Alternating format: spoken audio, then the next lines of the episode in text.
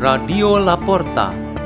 The door is open for you for the growing of knowledge and wisdom of God.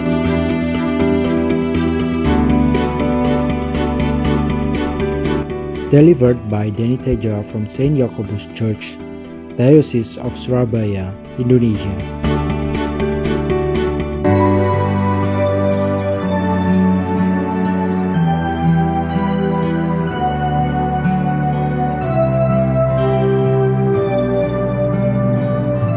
Reading and meditation on the Word of God on Saturday of the 25th week in Ordinary Time, September 24, 2022.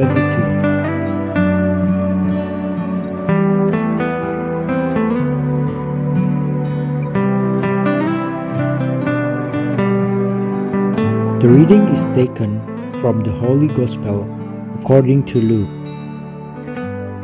While they were all amazed at his every deed, Jesus said to his disciples, Pay attention to what I am telling you. The Son of Man is to be handed over to men. But they did not understand this saying. Its meaning was hidden from them so that they should not understand it, and they were afraid to ask him about this saying. The Gospel of the Lord.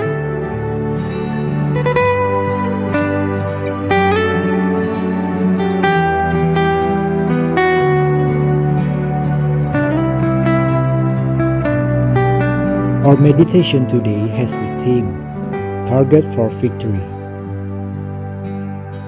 There was a teenager from village who has just finished his university study of the first semester in the city. The outcomes of his study were a bit worrying. There were several red marks that required him to do a remedial process. He needed to do a retest on those subjects concerned. His friends and neighbors thought that he was still in a moment of adjustment, and that consideration was enough to encourage him to move on. He was motivated to get out quickly from that pressure. When he called his parents in the village, he received also encouragement from them, saying that every struggle or effort has its own process. There is no consideration that a beginning must be easy and smooth. The important thing should be in our mind is that from the beginning of any work or undertaking, we must aim for victory. This is a very important motivation.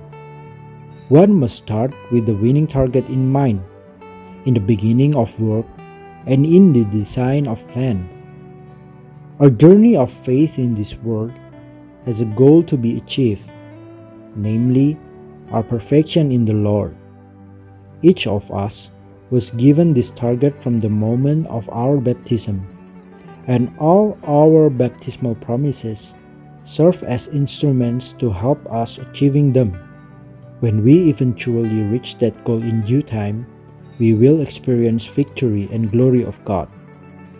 Even though the book of Ecclesiastes describes our real life as simply as vanity, behind this concept is actually the emphasis on the end of our life's journey. And God's judgment will determine whether a person will be the winner or not. The Lord Jesus Christ looked up to Jerusalem as the end of his journey on earth, where the target had been set for, for him. Jesus told his apostles that there in Jerusalem he would be handed over to the Jewish authorities to be executed. His death on the cross was the most severe suffering a man had ever experienced.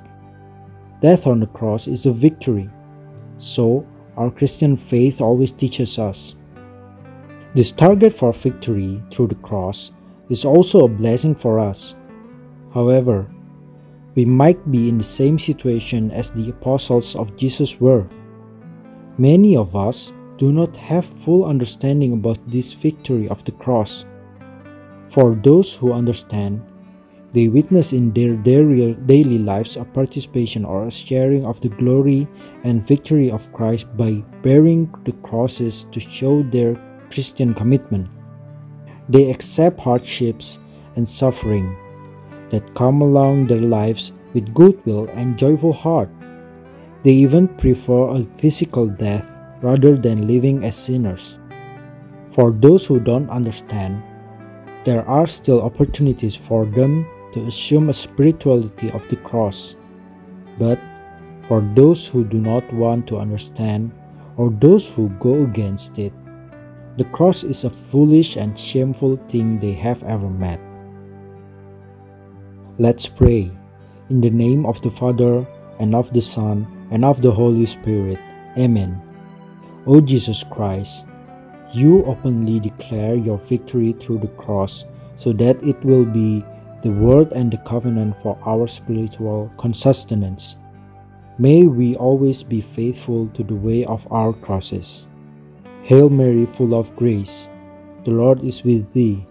Blessed art thou amongst women and blessed is the fruit of thy womb, Jesus. Holy Mary, Mother of God, pray for us sinners, now and at the hour of our death. In the name of the Father, and of the Son, and of the Holy Spirit. Amen. Radio La Porta. The door is open for you.